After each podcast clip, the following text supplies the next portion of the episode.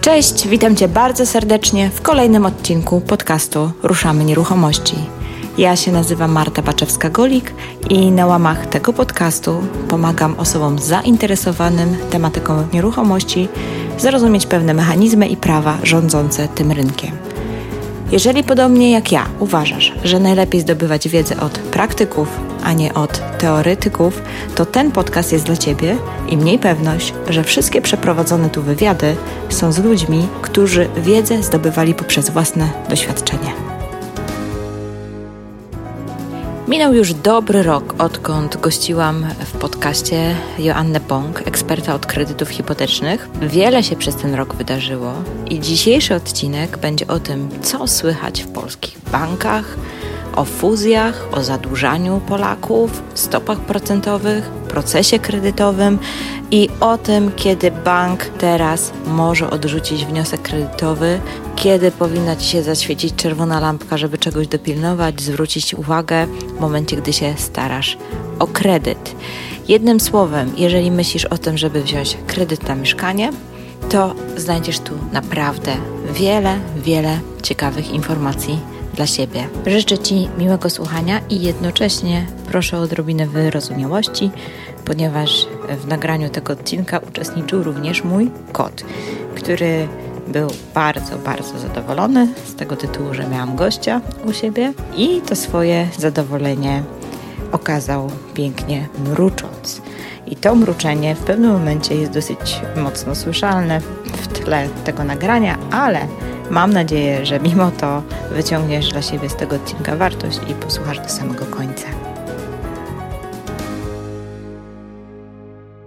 Cześć Asia. Cześć Marta. Jak miło, że wpadłaś. Kawy mi nie zrobiłaś. Ale szklankę wody dałam. Słuchajcie, ze mną jest Joanna Bąk, która jest specjalistą i doradcą kredytową i już nieraz... Ekspertem, Marta, ekspertem. ekspertem, ekspertem nie jestem doradcą. Okej, okay, przepraszam, ekspertem. To jak teraz mam na Ciebie mówić? Asia Bąk po prostu. Asia Bąk, dobra. Asia już parę razy u nas była na łamach podcastu, jednak właśnie sobie uświadomiłyśmy, że to było już chyba z rok temu albo i dalej i opowiadałyśmy o świecie finansów i kredytach w zeszłych latach. Natomiast czas podsumować 2018. No, no jeszcze nie ma jeszcze końca. nie ma końca. Ale, ale już można jakieś wnioski wyciągnąć. Zdecydowanie. Asia, jak Ci się pracowało w tym roku? Bardzo dobrze. To był bardzo fajny i dobry rok. Chociażby dzięki Wam, temu, że ludzie chcą kupować nieruchomości, chcą inwestować w nieruchomości, to dodatkowo starają się finansować to poprzez kredyt. I tak naprawdę ten 2018 rok był chyba najlepszym rokiem. I nawet nie chyba, tylko według e, różnych raportów, był najlepszym rokiem od 2010 roku, jeśli chodzi o sprzedaż. No i to jest w ogóle dla mnie zagadka, bo przecież zniknęły wszystkie takie preferencyjne opcje pod tytułem jakieś tam MDM i inne dziwne rzeczy, e, które no, wiązały się z dopłatami i dofinansowaniem. Mhm. I tak logicznie by można było pomyśleć, że skoro nie ma tych takich preferencyjnych kredytów, to ludzie będą się mniej zadłużać, bo nie będą dawać rady brać kredyty, a to okazuje się, że raporty mówią zupełnie coś na odwrót. To prawda. Ja bym jeszcze dodała to, że banki restrykcyjnie podchodzą do e, badania zdolności kredytowej, narzuciły bardzo wysokie koszty utrzymania, a mimo to e, ludzie chętnie biorą kredyty. Myślę sobie, że to też jest trochę kwestia, albo to jest dzięki e, modzie na inwestowanie w Myślisz? nieruchomości. Oczywiście, dlatego że połowa moich klientów kupowała nieruchomości, które potem będzie albo wynajmowała, albo będzie chciała po prostu za moment sprzedać. Do tej pory mam takie tematy. I to była połowa. We Czyli wcześniejszych latach tego nie było. Zdecydowanie więcej osób zaczęło kupować na lokaty po prostu. Tak, jak najbardziej. Myślę, że też brak alternatywy lokowania pieniędzy jest y, powodem tego, że faktycznie ludzie się skłaniają i odwracają ku nieruchomościom, ale prawda jest taka, że faktycznie moda na inwestowanie jest coraz większa i to się faktycznie dzieje, ale wiesz, mi się też wydawało, że jest bardzo dużo gotówki na rynku, a tu się okazuje, że też rekordy są w kwestiach już przydzielonych kredytów, jeżeli chodzi o wysokość, o cały nominał udzielonych w Polsce kredytów. Mamy na razie informacje z dwóch kwartałów. Nie mamy jeszcze z tego trzeciego. W drugim kwartale zostało udzielonych e, ponad 14 miliardów złotych w kredytach hipotecznych. To jest bardzo dużo i analitycy uważają, że możemy z końcem 2018 roku przekroczyć 50 miliardów złotych. Bardzo dużo. Czyli zadłużamy się, drodzy rodacy, zadłużamy się. Ale wiesz co, Marta, zauważyłam jeszcze jedną ważną rzecz, że tak naprawdę klienci mają na wkład własny. To nie jest tak, że większość klientów ma tylko te przysłowiowe 10%, bo cały mhm. czas 80% banków jak najbardziej udziela kredytów klientom, którzy mają ten minimalny wkład własny, czyli te 10%. Natomiast dużo się zdarza takich tematów, w których wkład własny jest powyżej 20%. Czyli ta gotówka mimo wszystko jest. No i super. I to jest dobra wiadomość, bo to oznacza, że chyba się bogacimy jako społeczeństwo że po pierwsze, że pomimo restrykcyjnych mhm. no, wymogów banków, jeżeli chodzi o badanie zdolności kredytowej i pomimo no, zwiększonych progów, ja pamiętam jak, jak mówiono, że będą te progi wprowadzać i tak dalej, każdy sobie myślał, o matko, co to będzie. Ceny rosną cały czas nieruchomości, więc automatycznie ten wkład własny rośnie nam także, jeżeli chodzi o y, kwotę taką nominalną, tak? tak? Więc chyba jest dobrze. Chyba tak, ale też y, dobrze, że o tym wspomniałaś a propos y, rosnących cen, to tym samym też wzrasta jakby y, średnia kwota udzielonego kredytu.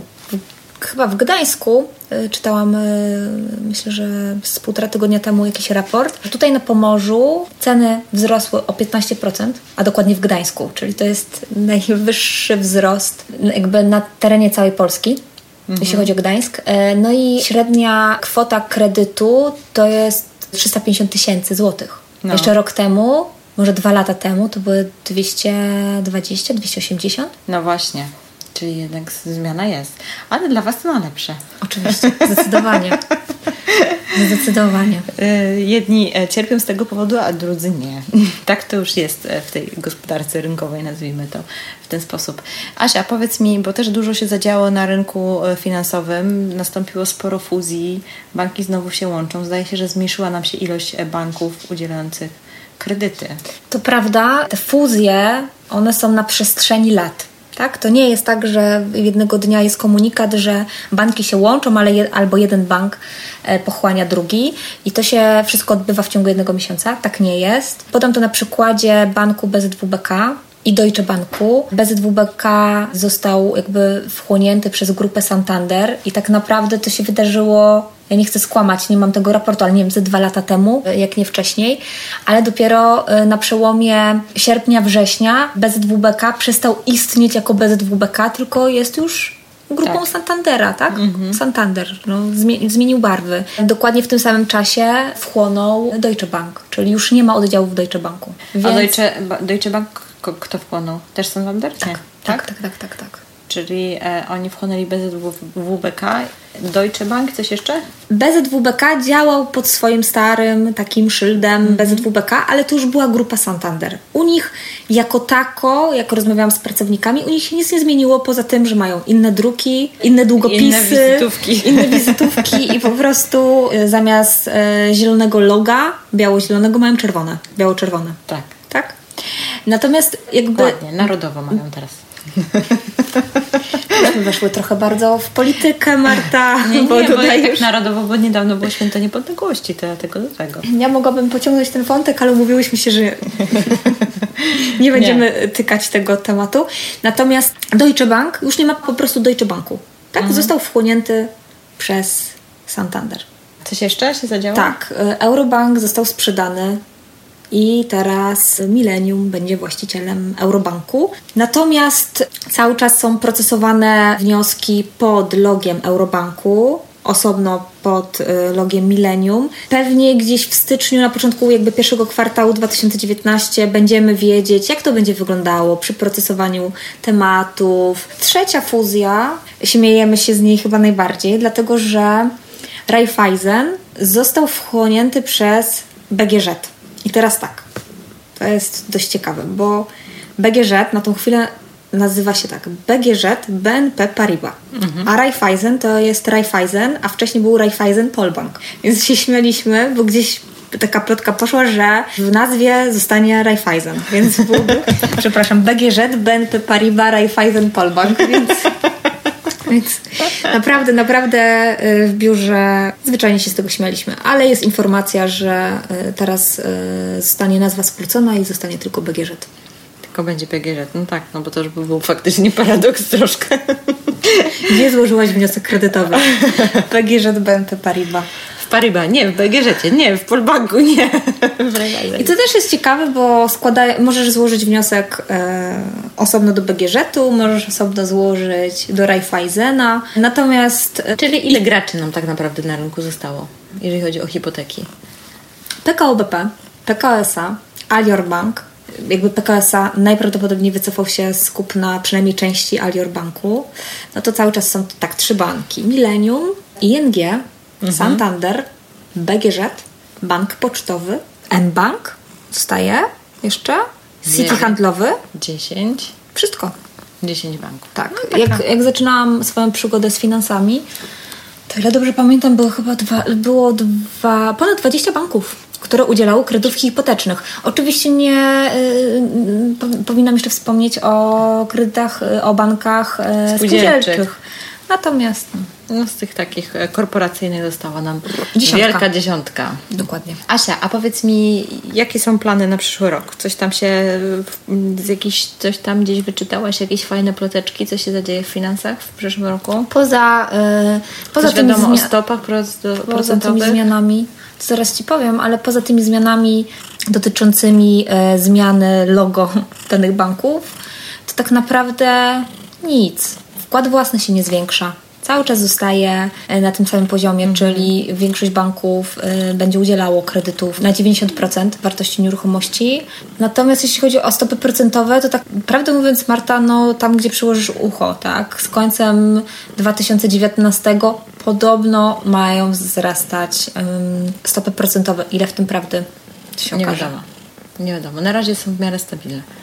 Tak, cały czas na tym samym poziomie. Okej, okay. super. A powiedz mi jakieś, jeżeli chodzi o kredyty walutowe, ciągle bez zmian? Wiesz co, no zostały tylko dwa banki, ale mówimy oczywiście o kredytach hipotecznych, bo tak. przy kredytach gotówkowych to trochę inaczej wygląda. Jeśli chodzi o kredyty hipoteczne, zostały dwa banki.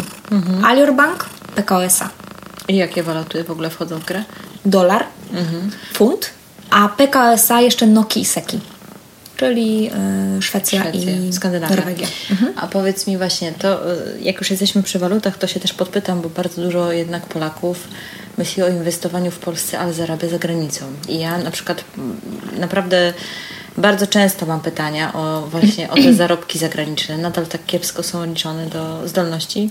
Czy gdzieś się coś zmieniło, gdzieś w jakimś banku polepszyła oferta? Troszeczkę jest lepiej. To taki minimalny dochód, który musi wykazać kredytobiorca, to jest 5 tysięcy złotych miesięcznie. To jest takie mhm. totalne minimum. Natomiast niestety zwiększył się wymagany wkład własny, okay. jeśli chodzi o Alior Bank.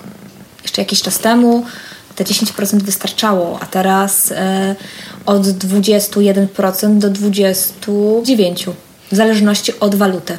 Jakby Alior Bank wymaga 21%, 24%, 29%. Mhm. Wszystko zależy, czy starasz się o kredyt w funtach, w euro, czy w dolarach. Rozumiem. A powiedz mi, jakie dokumenty taka osoba musi pozbierać? Tak naprawdę powiem może najbardziej restrykcyjnie, bo to też zależy od. Y, na podstawie Alior Banku mogę powiedzieć, że to zależy od tego, w jakim państwie y, dany kredytobiorca mieszka. Tak? Jakby Anglia, ogólnie Wielka Brytania, y, chyba jest najbardziej restrykcyjnie traktowana. Naprawdę? Naprawdę. Mhm. I musisz wykazać, że mieszkasz tam przynajmniej dwa lata. Dwa lata pracujesz. Okay. Tak, udanego, ciągłość. tak, udanego pracodawcy 6 miesięcy, ale nie możesz być e, od 6 miesięcy w Wielkiej Brytanii. Rozumiem.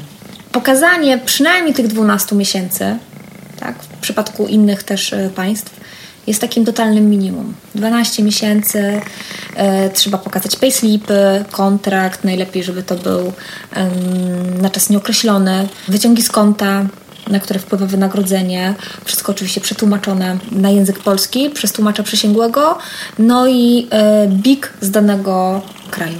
Jasne. Dolary też kto, kto daje? I PKSA i Alior. I Alior też. Tak. Natomiast PKSA ma taką zasadę, że udziela kredytu maksymalnie na 20 lat. Jeśli chcesz otrzymać kredyt na 20 lat, musisz e, wykazać 40% wkładu własnego. Jeśli na 15, to 30. Jasne. Co oznacza, że e, jakby wyliczenie zdolności kredytowej może być jakby mniej korzystne w stosunku do Alior Banku. No tak. Tak? No bo krótszy okres kredytowania, Wyższa rata. Wyższa rata. Jasne. Jasne, że tak. A jeszcze mam do Ciebie takie pytanie. A zauważyłaś może, że wzrosła ilość firm inwestujących w nieruchomości, takie mieszkalne? Czy firmy zaczynają dostrzegać w tym również, e, że tak powiem, taki element inwestycyjny? Nie wiem, jakiegoś tam radzenia sobie z kosztami, nie wiem, wrzucaniem tego w amortyzację i tak dalej. Czy, zgłaszają się do Ciebie osoby fizyczne prowadzące działalności gospodarcze, które chcą brać kredyt właśnie na działalność gospodarczą? Tak. Tak, jest coraz więcej. W tym roku było tego zdecydowanie więcej niż w poprzednich latach. E, Stąd też e, jakby szukanie jakichś alternatyw dla tych osób, bo jeżeli jesteś przysłowiowym stolarzem i chcesz kupić nieruchomość i wrzucić to w działalność gospodarczą i na przykład nie masz za dużo dochodu, tak? Masz wysokie przychody, generujesz wysokie koszty, Tak. wiadomo dlaczego, masz słaby dochód, no to faktycznie jakby 99% banków jest na nie dla takich klientów, tak? Ale jest jeden jeszcze bank na rynku, który e, na podstawie biznesplanu chętnie, e, Chętnie udziela kredytów. Natomiast e, faktycznie gdzieś słyszałam mm, jakiś miesiąc temu, że trochę się przystopował. E, Jest końcówka roku, może udzielił bardzo dużo kredytów hipotecznych e, na takie właśnie inwestycje i może od stycznia się odkorkuje, tak? Ale faktycznie jest tak, że można e, otrzymać kredyt hipoteczny. Oczywiście jest to sprawa indywidualna, nie znając sprawy, nie, nie przedstawiając biznesplanu, w jaki sposób ta nieruchomość będzie pracowała. No to nie, no ale y, jeśli masz y, pełen, y, jakby przygotowaną super dokumentację, to jest ogromna szansa, że mimo, że nie siedzisz w nieruchomościach, nie obracasz nieruchomościami, nie masz. Czyli biorą pod uwagę dochód z najmu. Tak, biorą pod uwagę dochód przyszły z najmu. Przyszłe. No to jest coś nowego, bo był taki moment, gdzie właściwie banki w ogóle tego nie brały pod uwagę.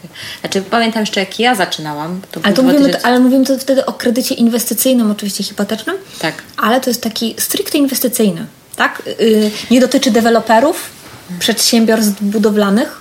Oni nie kredytują takich. E, Czyli to jest takich taki firm. typowy dla osoby fizycznej prowadzącej działalność Dokładnie. gospodarczą, nawet niekoniecznie związaną z branżą, która Dokładnie. chce sobie ulokować nieruch- e, pieniądze, czy Dokładnie. zrobić taką jakby lokatę kapitału, czy nie wiem, po prostu zainwestować w nieruchomość mieszkalną. Tak. I tylko mieszkalne, czy, inwestycy- e, czy komercyjne też kredytują?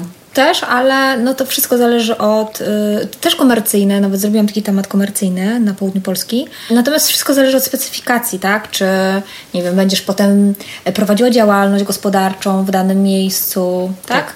I jeśli chodzi o warunki kredytowania, to też są mocno indywidualne. Ja pamiętam, że przy tamtym temacie, o ile dobrze pamiętam, to chyba było 25% wkładu własnego wtedy, ale można zrobić e, z zabezpieczeniem BGK, tak jak mówię, kwestia zupełnie indywidualna. Zależy, co to, jaka to jest nieruchomość, czy ona jest, nie wiem, położona na gdańskiej starówce, tak? czy to jest gdzieś na obrzeżach Gdańska. Mówię tutaj e, o trójmiejskim jakby rynku. E, Więc bank tak naprawdę podchodzi bardzo, bardzo indywidualnie. Jasne. Ale jest to jak najbardziej możliwe. No to super, jestem ciekawa, czy to pójdzie w kierunku takim. e, Znaczy, jeszcze chyba nie ma takich produktów, jak są w Wielkiej Brytanii, takie typowe, że buy to let, czyli właśnie że kupić po to, żeby wynajmować i to się z góry zakłada, że to jest taki kredyt inwestycyjny i bierze się pod uwagę właśnie dochody z tego najmu. Takiego typowego produktu chyba jeszcze na rynku nie ma, co? Nie ma?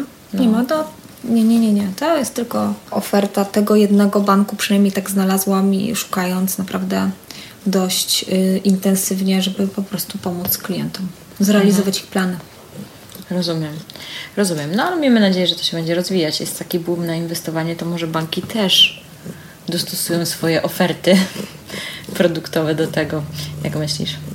Trudne Trudno pytanie, powiedzieć. trudne pytanie, Marta. Cały czas uważam, że banki to są państwa w państwie i robią tak naprawdę to, co chcą. Tak? Na tapecie mamy y, faktycznie gdzieś w towarzystwie osób, które się tym samym zajmują co ja. y, Na tapecie mamy taki temat, y, że tak naprawdę każda sytuacja y, danego klienta jest indywidualną sytuacją. E, nie ma dwóch takich samych tematów. Każdy bank zupełnie inaczej podchodzi do danego tematu i ciężko mi powiedzieć, czy banki będą szły w tą stronę, czy nie. Myślę, że mocno też się zabezpieczają, tak?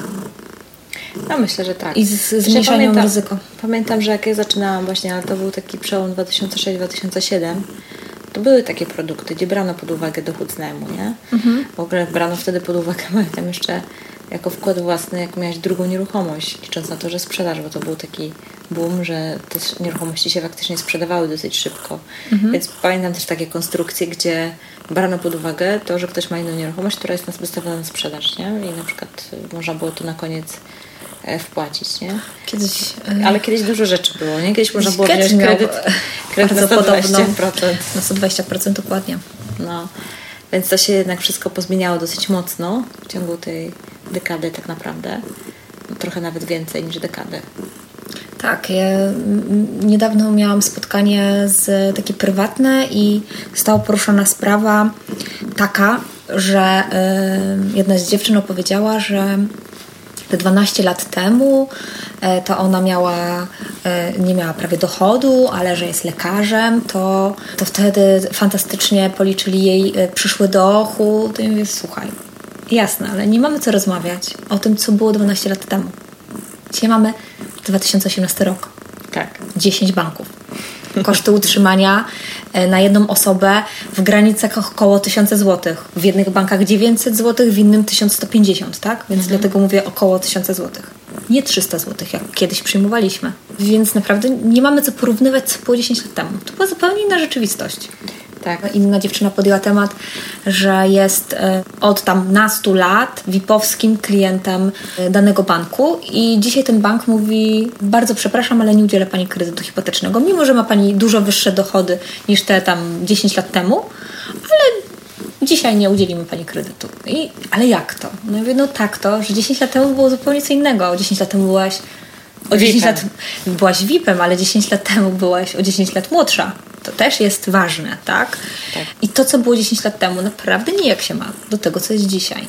Tak, więc, więc muszę powiedzieć, że jeżeli ktoś po 10 latach zaczyna starać się o kredyt, bo na przykład kupuje dom, zwiększa, powiększa e, swoją powierzchnię życiową, to faktycznie może się zdziwić. Tak, że to, co przychodziło przed 2010 rokiem, nie przejdzie już dzisiaj nie ulega wątpliwości, że to wcale nie powstrzymuje rozwoju i pomimo restrykcji te, te kredyty y, rosną w sile.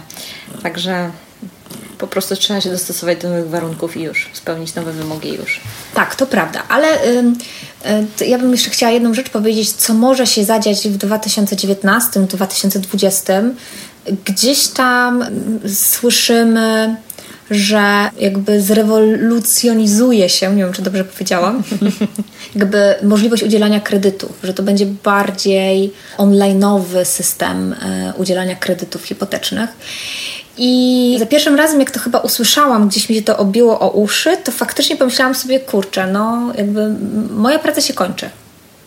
Tak, moja praca się kończy, zmniejsza się ilość banków, banki wychodzą naprzeciw y, klientowi, chcą robić y, mnóstwo rzeczy online, ale tak naprawdę uświadomiłam sobie i jakby każdy temat uświadamia mnie, że nasza praca tak szybko się nie skończy.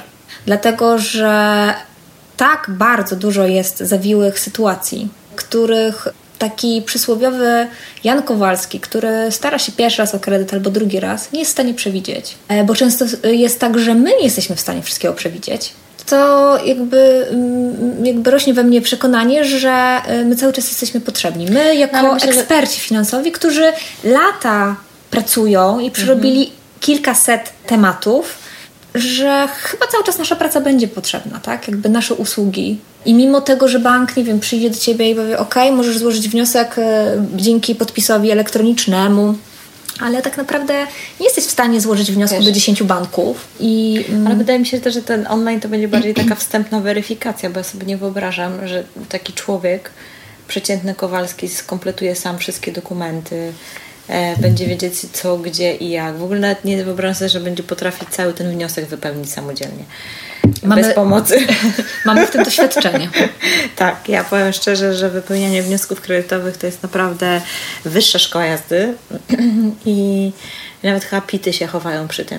Także to ktoś nie siedzi, no może ktoś, kto faktycznie wiele razy to zrobił, to tak, ale e, jak ktoś raz w życiu bierze kredyt, czy drugi dopiero i to jeszcze właśnie po 10 latach, bo 10 lat temu brał, to to jest zupełnie inna przestrzeń, zupełnie inna rzeczywistość. Więc ja myślę, że te chyba online'owe historie to bardziej będą takie weryfikacyjne może na wstępie, czy że klient będzie mógł sobie sam zdolność może zbadać, nie wiem, wpisać, jakąś symulację zrobić, jakiś wstępny wniosek. No nie mam pojęcia. Marta, ciężko mi powiedzieć, jak, jakie są prowadzone prace Natomiast. E, Chociaż z drugiej strony, jak patrzę, jak bankowość elektroniczna poszła do przodu, w ogóle ogólnie, już nie mówię teraz o kredytach, tylko o wszystkich. w Polsce. Tak, o wszystkich formach jakiejś e, płatności i tak dalej. Inne kraje mogą się chować? Tak, to inne kraje się mogą chować, więc wcale się nie zdziwię, jeżeli faktycznie polski system bankowy e, pójdzie tak do przodu. Pójdzie tak do przodu, że faktycznie będzie można w domu kilkoma klikami złożyć wniosek. Już dzisiaj gotówki właściwie można. W swoim banku mam taką możliwość złożenia wniosku o gotówkę przez, e, przez moje konto tak, internetowe. Tak, gotówki jak najbardziej. Natomiast faktycznie e, z hipotekami jest trochę inaczej. Tak? To mhm. jest kredyt rozłożony na bardzo długi czas. Bardzo długi okres. Więc obarczony dużym ryzykiem dla banku. Zdecydowanie, tak? Więc oni naprawdę faktycznie muszą, mimo że jesteś ich VIP-owskim klientem, muszą prześwietlić dokładnie Twoją dokumentację, dochodową. Sprawdzić, czy na pewno, według nich oczywiście, jesteś w stanie płacić taki kredyt.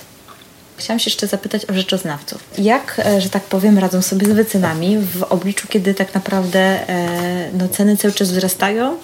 Przypuszczam, że w urzędach nie nadążają tego wszystkiego wpisywać w katastry, i tak naprawdę e, jest ciągle, wiesz, e, gdzieś tam ta wycena jest w tyle z racji tego, że brakuje takich bardzo, bardzo faktycznie aktualnych, bieżących e, transakcji do porównania. Sprawa jest o tyle ciekawa, że w zależności od danego banku, jak banki podchodzą do wyceny, tak ci rzeczoznawcy też robią te wyceny nieruchomości. I na przykład jest taki jeden z banków, który bardzo restrykcyjnie podchodzi do tego, w jaki sposób rzeczoznawca wyceni nieruchomość. Tam, nie, tam naprawdę nie można przestrzelić, po, ponieważ y, odrzuci operat szacunkowy i powie, proszę go poprawić. Mhm. Na czym polega problem? Polega na tym, że rzeczoznawca wyceniając nieruchomość musi y, z okresu od roku do dwóch maksymalnie porównać metraż mieszkania oraz y, cenę y, za zakup w stosunku do tej nowej nieruchomości. I mam teraz bardzo świeżą sprawę. Klientka kupowała nieruchomość y, w Gdyni 100 metrów. To jest duża nieruchomość. I w danej dzielnicy okazało się, że w przeciągu 12 i, czy nawet 24 miesięcy nie było takiej w ogóle transakcji, żeby za 7 tysięcy za metr kwadratowy ktokolwiek kupił nieruchomość o podobnym metrażu w danej dziel, nawet w danej dzielnicy, czy nawet tam e, i, i, i tych przylegających dzielnicach, tak? Mhm. I ten rzeczoznawca mi powiedział, ale Pani Anno, nie mam z czego tego zrobić. No nie mam z czego tego zrobić. Ja rozumiem, że klientka kupuje taką nieruchomość za tyle, że wszystko jest dogadane, ale tam za Chiny nie da się niczego u- sklecić. Mhm. Będzie sytuacja, że jeżeli pójdzie do innego rzeczoznawcy i ten rzeczoznawca przekoloryzuje ten operat, to ten bank i tak odrzuci ten operat. To wróci do mnie, a ja tutaj nie będę miała, nie, nie będę mógł niczego zrobić. Mhm. I faktycznie sytuacja patowa, ale całe szczęście mieliśmy w zanadrzu jeszcze tam inny bank, który ma swojego wewnętrznego rzeczoznawcę. Ciężko mi powiedzieć, czy to jest rzeczoznawca, czy to jest jakiś kontroler, inspektor, który dokładnie wycenił na kwotę, na którą opiewała transakcja. Mhm tak? Więc y, klientka ma fantastyczne, y, y, ma super zdolność kredytową, nie ma problemu, żeby uzyskać kredyt, jeśli chodzi o dochód, mhm. tak? Fiksuje się na jeden bank, bo mu i odpowiadają warunki, chce, ale ten bank ma pewne obostrzenia co do nieruchomości. I przez to nie może wybrać tego, tej oferty, tylko musi wybrać ofertę drugiego banku, która też jest dobrą ofertą, ale się na nią kompletnie nie nastawiała coraz więcej takich tematów, a tym bardziej w Gdańsku, kiedy o 15% ceny wzrosły w ciągu roku. Dokładnie. To jest bardzo dużo. To jest bardzo dużo. No ja, ja bardzo często, jak dzwonię do mojego rzeczoznawcy i on mówi, no pani Anno, i znowu taki temat. I co ja mam tutaj zrobić? Wyczarować. No właśnie, no właśnie, no bo to jest faktycznie problem i to warto, żeby osoby, które chcą kupić mieszkanie i, i, i właśnie w kredycie wzięły to pod uwagę, że te ceny, które dzisiaj są oferowane na rynku i po których kupujemy i się na nie godzimy, bo dla nas są one ok i akceptowalne, niekoniecznie mają odzwierciedlenie w rejestrach, bo rejestry są zacofane. Są y, dokładnie trzy miesiące do tyłu. Tak, a to już jest bardzo dużo. Teraz. Dzisiaj? Tak. To jest bardzo dużo. Trzy miesiące to jest bardzo dużo, bo po prostu faktycznie jest trudno się odnieść do kolejnych e, transakcji. Miałam e, gdzieś e, w pierwszej połowie roku taką też sytuację. Mm, podobna kwota kredytu e, i klient kupował w dzielnicy, która jest taką dzielnicą, gdzie są, jest przede wszystkim stare budownictwo, stare te mm, bloki takie lata 70., 80. i gdzieś tam w środku wciśnięty jest inwestycja sprzed trzech lat. Mhm. Dodatkowo zupełnie innym metrażem. I było dokładnie to samo, Pani Anno. Ale tego się prawie nie da zrobić. Ja muszę poszerzyć wycenę o jeszcze jakieś 3-4 inne dzielnice. Ja nie wiem, czy mi tego nie zakwestionują. Oczywiście my mamy też rzeczoznawcę, który dmucha i chucha na zimno tak. z każdej strony, tak? Ale ja wolę tak, niż y, klient wydaje pieniądze na wycenę i to nie są wcale małe pieniądze, tak? A potem bank nam odrzuca a zazwyczaj to ja polecam tego rzeczoznawcę, więc e, też mi zależy na tym, żeby, żeby obsługiwać klienta kompleksowo, ale żeby był zadowolony, żeby nie, nie było jakiegoś, e, jakiejś tak. niefajnej sytuacji, ze względu na to, że operat jest tak zrobiony, że bank go nie akceptuje. I jak sobie radzą klienci, jeżeli faktycznie wycena jest niższa niż cena zakupu? Muszą dopłacać? Muszą dopłacać muszą dopłacać, jeżeli to jest dokładnie na styk, jeśli chodzi o wkład własny, no to muszą dopłacić 2, 5, 10 tysięcy, ale jeśli wycena faktycznie też wychodzi niżej, to mogą mieć gorsze warunki cenowe. Kredytowe. Tak, bo niektóre banki jakby ustalają e, progi e, marży według tego, Nawet ile ktoś jeżeli, ma wkład własny. No właśnie, a jeżeli zwiększą wkład własny? To okej. Okay. To okej. Okay. To okej. Okay. Natomiast jeśli będą chcieli zwiększyć wkład własny, jeszcze raz trzeba przeprocesować, zmienić decyzję, no bardzo lubię robić kredyty hipoteczne, ale każdy ale, temat jest ale naprawdę... przedstępne dwa mm. miesiące e, przynajmniej dajcie sobie Dwa i pół. Dwa i pół nawet. Dwa i pół. To jest tak A niby miał się ten czas skrócić do ilu dni? 21. No właśnie. No to też zależy od banku. To też jest y, y, y, ciekawa informacja, bo to wszystko zależy od banku. Każdy bank inaczej procesuje e, wnioski kredytowe. 21 dni, na przykład takim PKSA jest od wydania decyzji takiej finansowej w oddziale. Bank Millennium ma tak naprawdę decyzję finansową, e, wydaje tak naprawdę, jak już przeprocesuje cały wniosek i od tego liczą się 20, od tego się liczy 21 dni. Bardzo podobnie ma ING. Te banki na przykład na samym początku wydają informacje, to nie jest decyzja kredytowa, tylko informacje o możliwości udzielenia kredytu, okay. co nie jest jednoznacznym z decyzją kredytową. Tak? Może się to zmienić. Więc 21 dni faktycznie gdzieś tam jest, ale jeżeli są banki, które procesują na tak zwanym prewniosku, to te 21 dni jest po 20 dniach. I w ten sposób, że tak powiem, ta piękna idea udzielania szybkim tempie kredytów legła w gruzach, bo każdy sobie ją dopasował do, dopasował do swoich tak, możliwości. Tak, oczywiście nie każdy bank no ale banki sobie dostosowały to do siebie. Tak. Podsumowując, jeżeli kupujecie nieruchomość e, w cenie, która jest dość wysoka, a nie macie więcej pieniędzy, żeby dołożyć do wkładu własnego, no to faktycznie chyba warto by było najpierw zrobić wycenę. wycenę. Albo wycenę, albo skontaktować się z jakimkolwiek rzeczoznawcą, który naprawdę realnie wyceni nieruchomość. Tak, bo Nawet jak płacicie zapłacić. datek i się okaże, że, że, że, mhm. że, że po prostu brakuje tam tej zdolności, a to jest faktycznie no, coś, z czym się realnie zmierzają dzisiaj doradcy kredytowi wnioskując kredyty, że te wyceny po prostu no, odbiegają od ceny zakupu, no to może być problem. Co jest też ważne, składając do czterech różnych banków, Tak? Każdy bank ma swoją procedurę. W jednym banku nie możemy przedstawić operatu szacunkowego, w innym banku możemy.